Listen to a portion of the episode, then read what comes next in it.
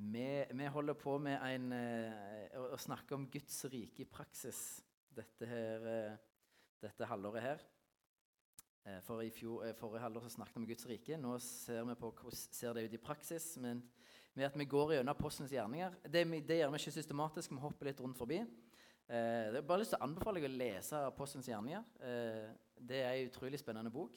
Så, så les gjerne den for tida. Det, det kan være en, en fordel, det er, der er det utrolig mye spennende. Eh, forrige gudstjeneste så snakket vi om dette med helbredelser, tegn under.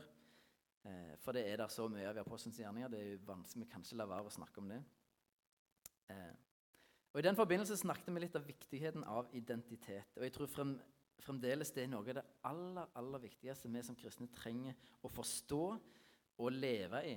Eh, og nå har vi, får vi powerpointen opp, forresten. Jeg skal, jeg skal, si noe som I dag skal vi snakke om autoritet. Det kan være litt utfordrende for noen. Eh, det kan være litt nytt, uvant. Eh, men det er òg i Bibelen, så det må vi snakke om. Men jeg skal si noe som kanskje høres litt sånn sjokkerende ut. Det er min personlige mening. Dette står ikke i Bibelen. Eh, men jeg tror det at djevelen ikke er så veldig redd for at du går i kirka. Men han er veldig redd for at du skal finne ut hvem du er i Jesus. Hvem han har skapt deg til å være. Jeg tror ikke han frykter så mye at du går her eller en annen plass, for å være helt ærlig. Men hvis han klarer å hindre deg i å forstå hvem du er, Jesus, så tror jeg han er ganske happy. Eh, for det, det, er den tingen hvis, hvis, hvis, vi forstår hvem er Jesus, det er noe djevelen er livredd for. For da blir vi, da blir vi farlige i Guds rike. Eh, og I dag så skal vi snakke om autoritet. Kan virke ukjent, kan høres voldsomt ut. Eh, men for å forstå dette med autoritet, så må vi først forstå vår identitet. Jeg må bare si noe om det, selv om jeg har vært innom det flere ganger. Dette er så enormt viktig. Eh, og det, Jeg sier ikke for å repetere, men fordi det, det er så viktig. Eh, å forstå hvem er vi når vi tror på Jesus. For det skjer en, en, total fornyelse, selv om vi ikke alltid opplever det. Selv om vi ikke føler sånn. Andre Korinterbrev kapittel 5 vers 17 sier at den som er i Kristus, er en ny skapning. Det gamle er borte. Det nye har blitt til. Det, det gamle er vekke. Du er en ny skapning, enten du føler det eller ikke. Det har ingenting å si. Du er en ny skapning. Eh, og som Kolosserbrevet 1 vers 22 sier, eh, du er hellig, uten feil og uangripelig. Det er deg hvis du tror på Jesus. Det er sannheten om deg hvis du tror på Jesus. Dette er den du er her og nå. Du er Guds barn, du er en arving. Dette er den du er. Og spørsmålet er om vi lever i denne virkeligheten, denne sannheten, eller om du lever som et vanlig menneske som ikke er en ny skapning. Som ikke er det, tenker at en er disse tingene her. Eller at du har din identitet i hva du gjør, hvordan du ser ut, eller hva du presterer, eller karriere osv. Vi må sjøl velge eh, hva vi vil leve i. Men sannheten er uansett at du er en ny skapning, enten du lever i det eller ikke. Det er sannheten. Det er det som er sant i himmelen. Og det vil Gud at skal være sant på jorda. Og før, før vi forstår i vårt hjerte og lever i at du er en ny skapning, at du er hellig, uten feil uangripelig, at du er Guds barn, Guds elska barn som er akseptert av Gud og elsker helt ubetinga, så vil ikke autoritet gi så mye mening, dessverre.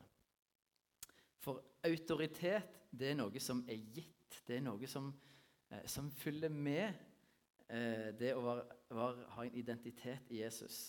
Hvis du tar, tar bildet med en politimann sant? En politimann har autoritet. Uavhengig av om han er en stor eller liten politimann eh, eller politikvinne, så har han autoritet. Han har, blitt, har, autoritet, for han er innsatt av staten og tildelt mandatautoritet av staten. Han har det ikke i seg sjøl, men har blitt tildelt pga. den rollen han har. Eh, og det gjelder for oss òg, faktisk. Vi skal se på det. Eh, men dette med identitet er så enormt viktig. Og den sannheten som ligger i det, Det står en knallhard kamp om sannheten om hvem vi er. Det er den sannheten fienden prøver å ta fra oss. Det er den vi må klynge oss til. Eh, for den er ikke avhengig av omstendigheter eller følelser. Den er konstant. Så nå skal vi se litt på, på dette med autoritet. Og Jeg skal lese en tekst i Apostelens gjerninger som jeg syns er helt fantastisk. Det er noe av det mest fascinerende jeg leser. Eh, og Det er kapittel 19, og vers 11-20. Der står det Gud gjorde helt uvanlige under ved Paulus' hender. Det hendte til og med at folk tok tørklær og arbeidstøy som han hadde hatt på seg, og la på de syke. Da slapp sykdommen taket, og de onde åndene for ut av dem. Noen omreisende jødiske åndemanere forsøkte også å si fram Herren Jesu navn over dem som hadde onde ånder i seg, og sa, 'Jeg besverger dere ved den Jesus som Paulus forkynner.' Det var sju sønner av den jødiske overpresten Skevas som drev på med dette. Men den onde ånden svarte dem, 'Jesus kjenner jeg, og jeg vet hvem Paulus er.' Men hvem er dere? Mannen som hadde den onde ånden i seg, for løs på dem, overmannet dem alle og slo dem til blods, så de rømte ut av huset nakne og forslåtte. Dette ble kjent blant alle som bodde i Efesos, både jøder og grekere, så det kom frykt over alle, og Herren Jesu navn ble lovprist. Mange av dem som var blitt troende, kom for å bekjenne og fortelle hva de hadde gjort, og ikke så få av dem som hadde drevet med svarte kunster kom med bøkene sine og brente dem mens alle så på. Verdien av dem ble regnet ut og ble til sammen 50 000 sølvpenger. Slik fikk ordet fremgang og styrke ved Herrens makt. Jeg syns nesten det, det, er komisk. Eh, eller det er en sånn komisk situasjon. Her har noen fått med seg altså Noen som jeg selv kaller seg for åndemanere. Sant? Da har fått med seg at det funker å bruke Jesu navn. Det er makt i Jesu navn når han skal drive ut onde ånder. Og så prøver de å bruke Jesu navn. Og den onde ånden eh, svarer at ja, Jesus kjenner jeg. Ordet 'kjenner' der er brukt som 'jeg kjenner han personlig'. Eh, det er litt interessant. Jesus kjenner jeg. Og Paulus han har jeg hørt på. Men hvem i huleste er dere? Hvem er dere? Altså i overført betydning. Jeg, jeg anerkjenner at Jesus og Paulus har autoritet over meg. Men dere har ingen autoritet over meg. Det som han sier, at dere har ingen rett til å bruke dette navnet på meg. Paulus har lov, Jesus har lov. Dere, hvem er dere? Hva dere tror dere er? Dere har ikke noe makt over meg. Dere kan ikke bruke det navnet over meg, for dere har ikke noe tilhørighet til navnet. Er ikke det fascinerende? Er enormt fascinerende. Og dette blir kjent i, hei, i byen. Det blir kjent at Jesus han er sterkere enn alle onde ånder, onde makter. Og det kommer frykt over alle og Jesu navn blir lovpris pga. dette. Og ikke bare det, men de som har drevet med okkulte ting til, Der er mange som kommer til å tro, og de bekjenner. Og de brenner bøkene sine til en verdi av 50 000 sølvpenger. Det sier ikke også veldig mye, men, men, i dagens verdi så tilsvarer det mellom 1 og 1,5 million kroner som bare går opp i bålet. Det er litt, det er litt konge. Bare for å ta den digresjonen, da, så vil vi fort tenke å, Tenk om hun kunne utrette med 1,5 million kroner. Hadde ikke vært bedre å bare selge de bøkene? Hæ? Hadde ikke bare vært bedre? Og så kunne vi bygd et bygg eller gjort et eller annet, delt ut mat til noen eller et eller annet. Sant? 1,5 million kroner, det, du, kan, du kan få til noen ting i dagens samfunn med det. Men for dem så hadde det større verdi å brenne disse bøkene enn å selge dem. For nå hadde de sett Jesus' makt, Jesus makt. De hadde kommet til tro, de hadde sett hvor ødeleggende de hadde vært med på hva. Og det hadde større verdi for dem å ofre noe på sannhetens alter enn å gå med på et kompromiss. Det er interessant. Det hadde større verdi å ta dette offeret pga. sannheten enn å gå på kompromiss og tenke ah, men det er ikke så nøye om noen andre får det. De, de, noen lager nye bøker uansett. Sant? En kunne jo tenkt det. Det blir sikkert noen som lager nye bøker. Sant? Dette er jo ikke noe vi selger de, og så bruker vi pengene. Nei, det har større verdi å brenne de, for det, sannheten er så viktig for dem. Interessant. Men det vi ser i denne teksten, er at det er en autoritet som vi som tror på Jesus, har blitt gitt. Og Den autoriteten er knytta til vår identitet som Guds barn. Eh, i Lukas 10 så kan vi lese om når Jesus sender ut de 72 disiplene sine for å forkynne evangeliet om Guds rike. Og Når de kommer tilbake, så sier Jesus noe veldig interessant. Vi skal lese det òg. De 72 kom glade tilbake og sa, 'Herre, til og med de onde åndene er lydige når vi nevner ditt navn.' Da sa han til dem, 'Jeg så Satan falle ned fra himmelen som et lyn.' Ja, jeg har gitt dere makt til å tråkke på slanger og skorpioner og makt over alt fiendens velde. Ingenting skal skade dere. Og likevel, gled dere ikke over at åndene lyder dere, men gled dere over at navnet deres er blitt innskrevet i himmelen. Så Jesus sier, Jesus sier, han har gitt oss makt til å tråkke på slanger og skorpioner. Og dette, dette er et bilde. Eh, Slanger og skorpioner det er et bilde på onde ånder og det demoniske. Eh, og Det at vi skal tråkke ned på dem, tråkke på dem, betyr at vi skal utøve herredømme over dem. Det er det det betyr. Og dette er det Jesus som sier. Det er ikke jeg som sier det, det er Jesus som sier det. Dette, det denne makt, denne autoriteten, har dere blitt gitt. Ikke nok med det. Han sier òg at det, eh, vi skal ha makt over alt fiendens velde, og ingenting skal skade oss. Klarer vi, klarer vi å ta dette inn over oss? Dette gjelder oss som kristne og som tror på Jesus. Vi har makt til å utøve herredømme over onde ånder og demoniske ting. Det er, det er, ikke bare at vi har makt, men det er nesten som en befaling. Dere, jeg gir dere makt til å gjøre dette. her gir dere autoritet. Klarer vi å ta det inn over oss? Forstår vi hva det vil si å være et Guds barn? Dette er en del av det å være et Guds barn. Forstår du hvor stort det er?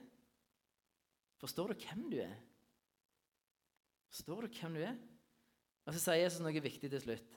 Eh, han sier at det, eh, det er ikke det at en har blitt gitt den autoriteten som en skal være vår glede. Det er ikke det at det skjer sånn det, det, er ikke det overnaturlige at det skjer manifestasjoner. Det er ikke det som skal være vår glede. Vår glede skal være i at våre navn er innskrevet i livets bok, altså vår identitet som Guds barn. Det skal være gleden vår. Det skal være gleden vår. Det betyr at vi har en kilde til glede som er konstant, uavhengig av omstendigheter. For ingen kan ta fra oss at vi er Guds barn. Selv ikke en dårlig dag, dårlig vær, sure unger osv. Ingenting. Ingen omstendigheter, ingen følelser kan ta fra oss at vi er Guds barn. Ingen kan stjele den kilden til glede som vi har blitt gitt. Paulus sier at vi, vi gleder oss i Kristus alltid, sier han. Eh, det er alltid en grunn til glede. Det betyr ikke at Paulus aldri har det fælt eller vondt. Det har han. Selvsagt har han det, men han har òg alltid en, en, kilde til glede. Spørsmålet er forstår vi hvem, vi er når vi tror på Jesus.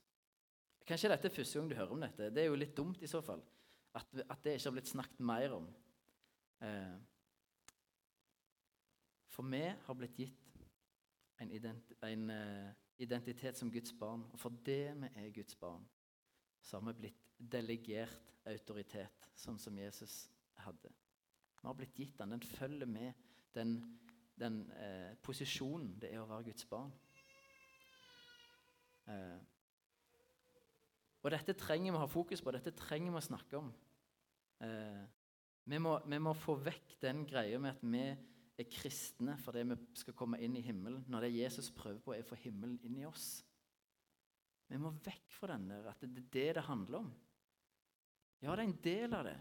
Absolutt. Men det Jesus prøver på, er å få himmelen inn i oss. Forstå hvem vi er. Hva han har gjort oss til. Vi er nye skapninger. Vi er ikke det gamle. Det har skjedd noe helt nytt. Helt fantastisk. Uansett hvordan du føler deg, om du føler deg vellykket eller mislykka, uansett omstendigheter Hvis du tror på Jesus, så har du alltid en kilde til glede. Du, blitt, du er Guds barn. Du har blitt gitt autoritet over onde ånder, over det demoniske, over fiendens makt. Det handler ikke om hva, hva du føler. Det handler om posisjonen som du har blitt gitt som Guds barn. Eh, og det handler om sannheten. Det handler om sannheten, For følelser og omstendigheter prøver å fortelle oss en sannhet. Prøver å fortelle hva som er sant om oss. Hvis vi feiler, hvis vi mislykkes, så prøver vi prøver fiende å bruke det som ja, dette er sant om deg. Du er den som feiler. Du er den som ikke får det til. Ah, men Du gjør så mye galt. Du kan ikke være Guds barn. Bla, bla, bla. Det er ikke sannheten. Det står en knallhard kamp om sannheten, om hvem vi er, hvem du er. Det står en knallhard kamp om den sannheten, hvem, hva Jesus har gjort deg til. For vi skal ikke leve i det gamle, vi har blitt nye. Det er, det er sannheten. Uansett hva du føler. Og de onde åndene vet dette. De er fullt klar over det. Og da er det fryktelig dumt om vi ikke vet og forstår det.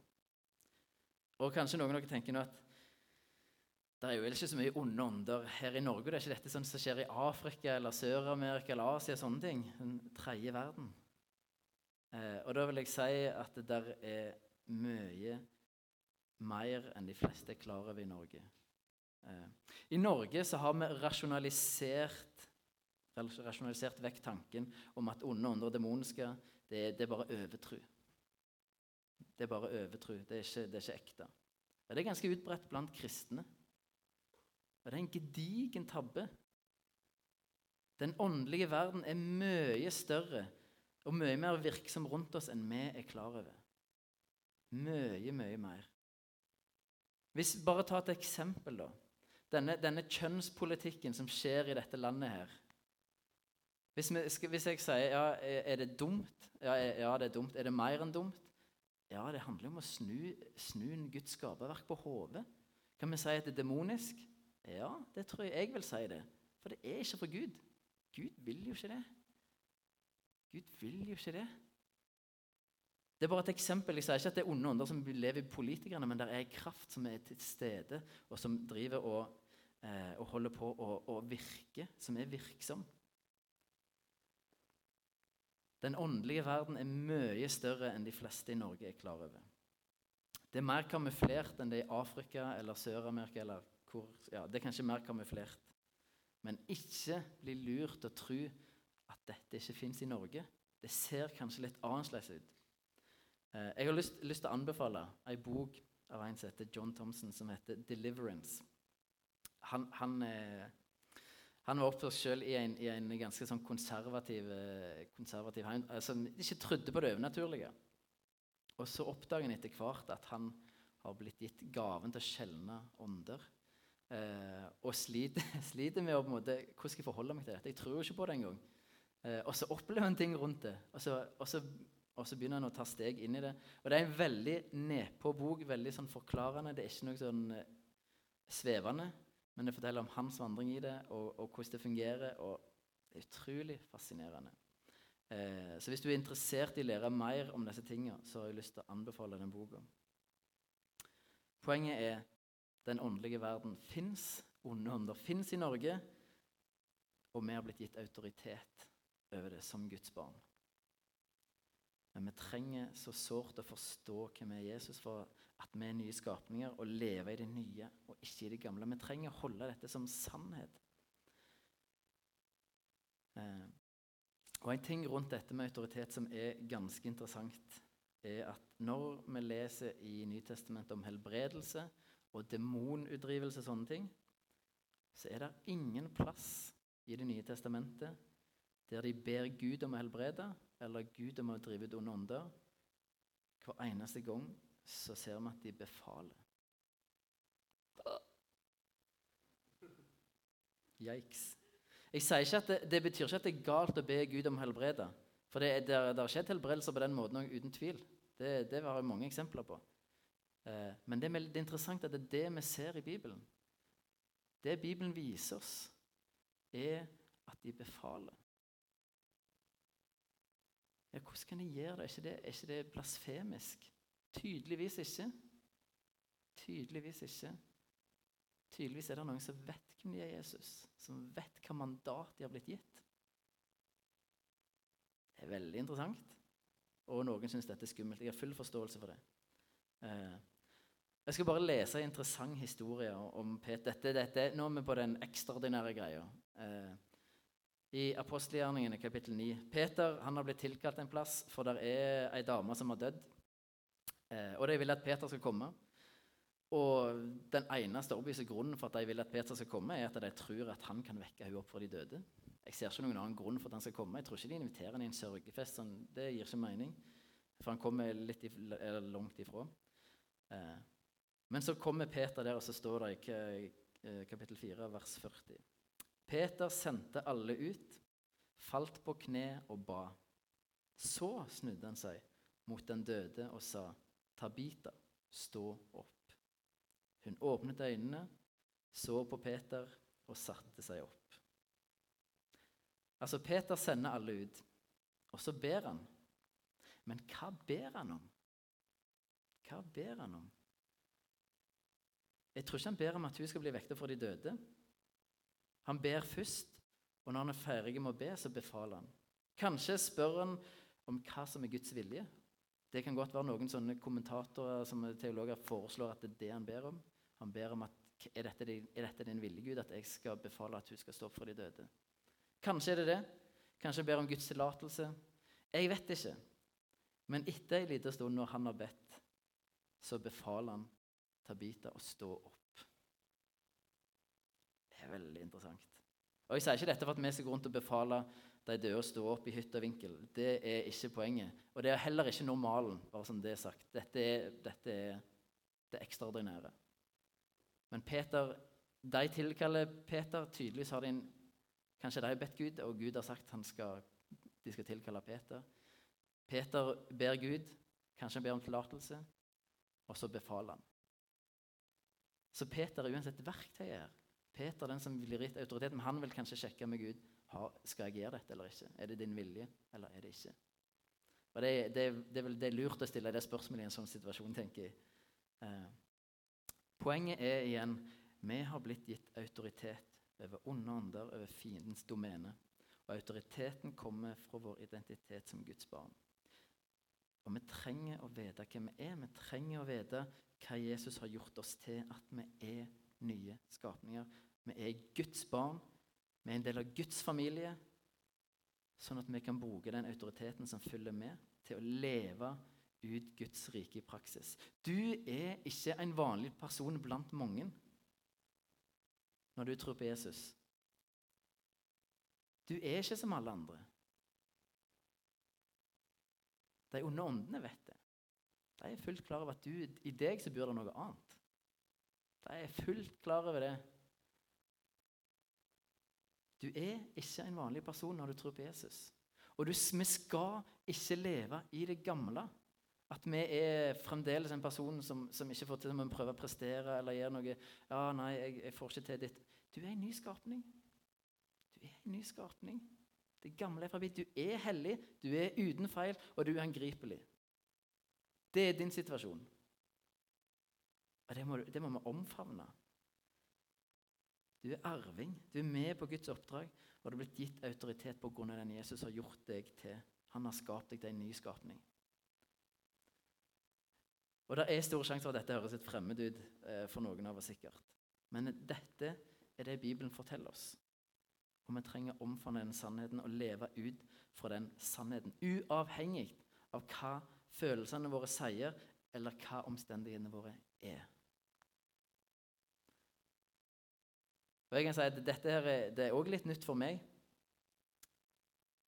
Men det er òg fantastisk å få lov til å leve som en ny skapning. At jeg skal ikke identifisere meg med alle feil jeg gjør, eller de syndene jeg gjør. Det ikke, for det er ikke meg. Det er ikke deg. Jeg skal bekjenne dem, jeg skal omvende meg fra dem. Men det er ikke meg. Jeg er en nyskapning. Jeg er ikke feilene mine. Jeg er ikke syndene mine. Jeg er hellig, jeg er uten feil, jeg er uangripelig. Jeg er en nyskapning. Og jeg skal leve som en nyskapning. Jeg skal leve som at det er sant. Og Da trenger jeg å leve i omvendelse, eh, men jeg skal leve som det er sant. Og leve den identiteten at jeg elsker ubetinget. Og jeg skal få lov til å omfavne den sannheten, uansett hva andre sier. Uansett om jeg går på en smell og synder og gjør dumme ting, for det gjør jeg. Men det er ikke meg. Paulus sier jo til meg det at, eh, at eh, når, når jeg gjør det som jeg ikke vil, da er det jo ikke jeg som gjør det, men det er synda som bor i meg, som gjør det. Det er ikke meg. Det der er jo ikke meg, for jeg er en ny skapning. Det er synda som bor i meg, for det gamle mennesket er der fremdeles. Sant? Selv om vi har lagt av oss, Det er ikke det vi skal leve i. Vi skal leve i det nye. Men Paul sier at ja, men det der er ikke meg. Det er synda i meg som gjør dette. Ikke den jeg egentlig er. Han skiller. Utrolig fascinerende. Og hvis han har frimodighet til å gjøre det, så har vi frimodighet til å gjøre det. Jeg har så lyst til at vi skal forstå hvem Jesus har skapt oss til å være, for det ligger en enorm kraft i det. Jeg, og det er så mye å omfavne, det er så mye å få lov til å leve i. Det er så mye nåde der. Det er så mye spennende og fantastisk. Men vi må ikke gå rundt og, tro, og misforstå hvem vi er. Vi må, ja. Og jeg, jeg, kan ikke, jeg, kan ikke, jeg, kan ikke, lære dere det. Jeg kan ikke lære deg hvem du er, Jesus. Jeg kan forklare noe. Men det er du sjøl som må ta til deg sannheten. Det er du som må leve i sannheten. Det er du som må be Gud åpenbare den identiteten og hva det vil si å være Guds barn. Jeg kan ikke gjøre det. Skulle ønske jeg kunne. Det kan jeg ikke. Eh, men Gud kan. Og Gud ønsker. Han lengter etter det. Ja, Vi skal ha noen refleksjonsspørsmål.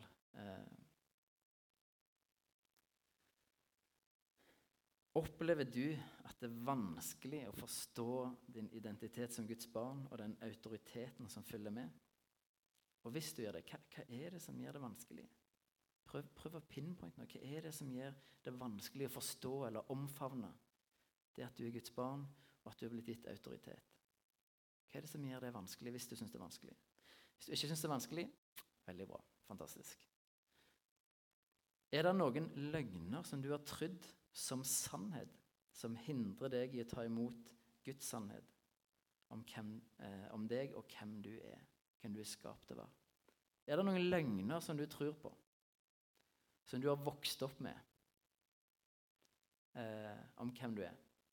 Og Det er ganske vanlig for å si det. da. Det er ganske vanlig at vi har trodd ja, nei, jeg er han som feiler. Jeg er han som ikke er god nok. Jeg er hun som eh, jeg er hun som ikke får til ditt og datt. Eh, jeg er den som gjorde den tingen i, i fortida. Den er jeg.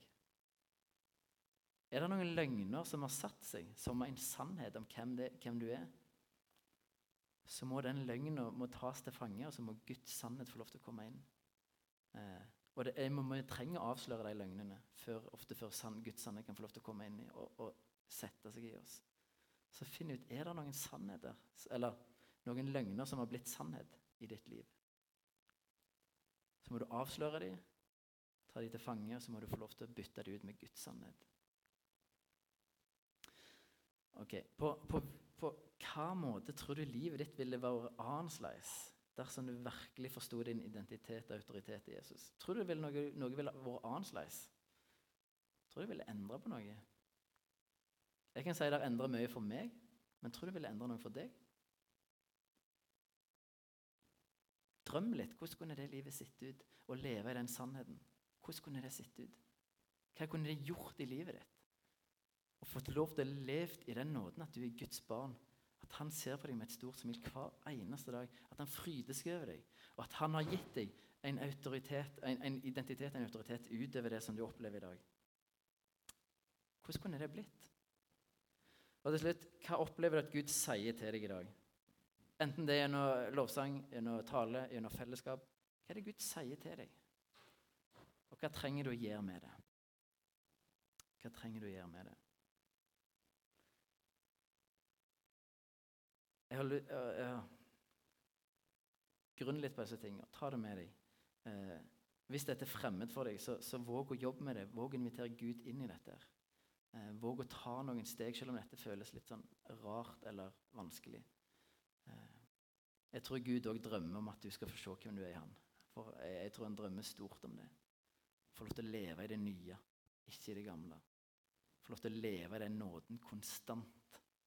Eh, og leve med hans fantastiske blikk over ditt liv. Eh, han lengter etter det for deg. Jesus, eh, jeg bare takker deg for eh, Jeg bare takker deg for at du ikke bare har prøvd å fikse oss, men du har gjort oss til nye mennesker når vi tror på deg. Du kom ikke bare for å prøve å rehabilitere oss.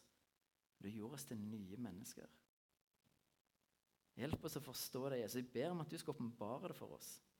Åpenbare for oss hva det vil si å være Guds barn. Oss, hjelp oss å ta imot den identiteten og leve den identiteten.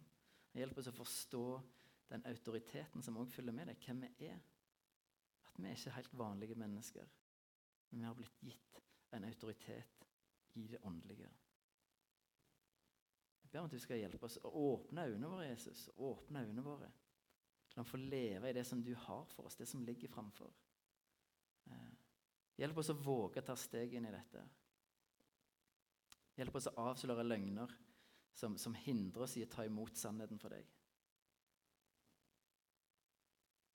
Jeg har bare lyst til å be for hver enkelt som er her. Du ser hva som skjer i livet. Du ser hvordan, eh, livet er. Du ser hva som har satt seg av løgner eller ikke. Bare ber om at du skal, at du skal berøre dypt i hver enkelt av oss. Jeg ber heller om at du skal trenge inn i det innerste av oss, helt inn i vår ånd.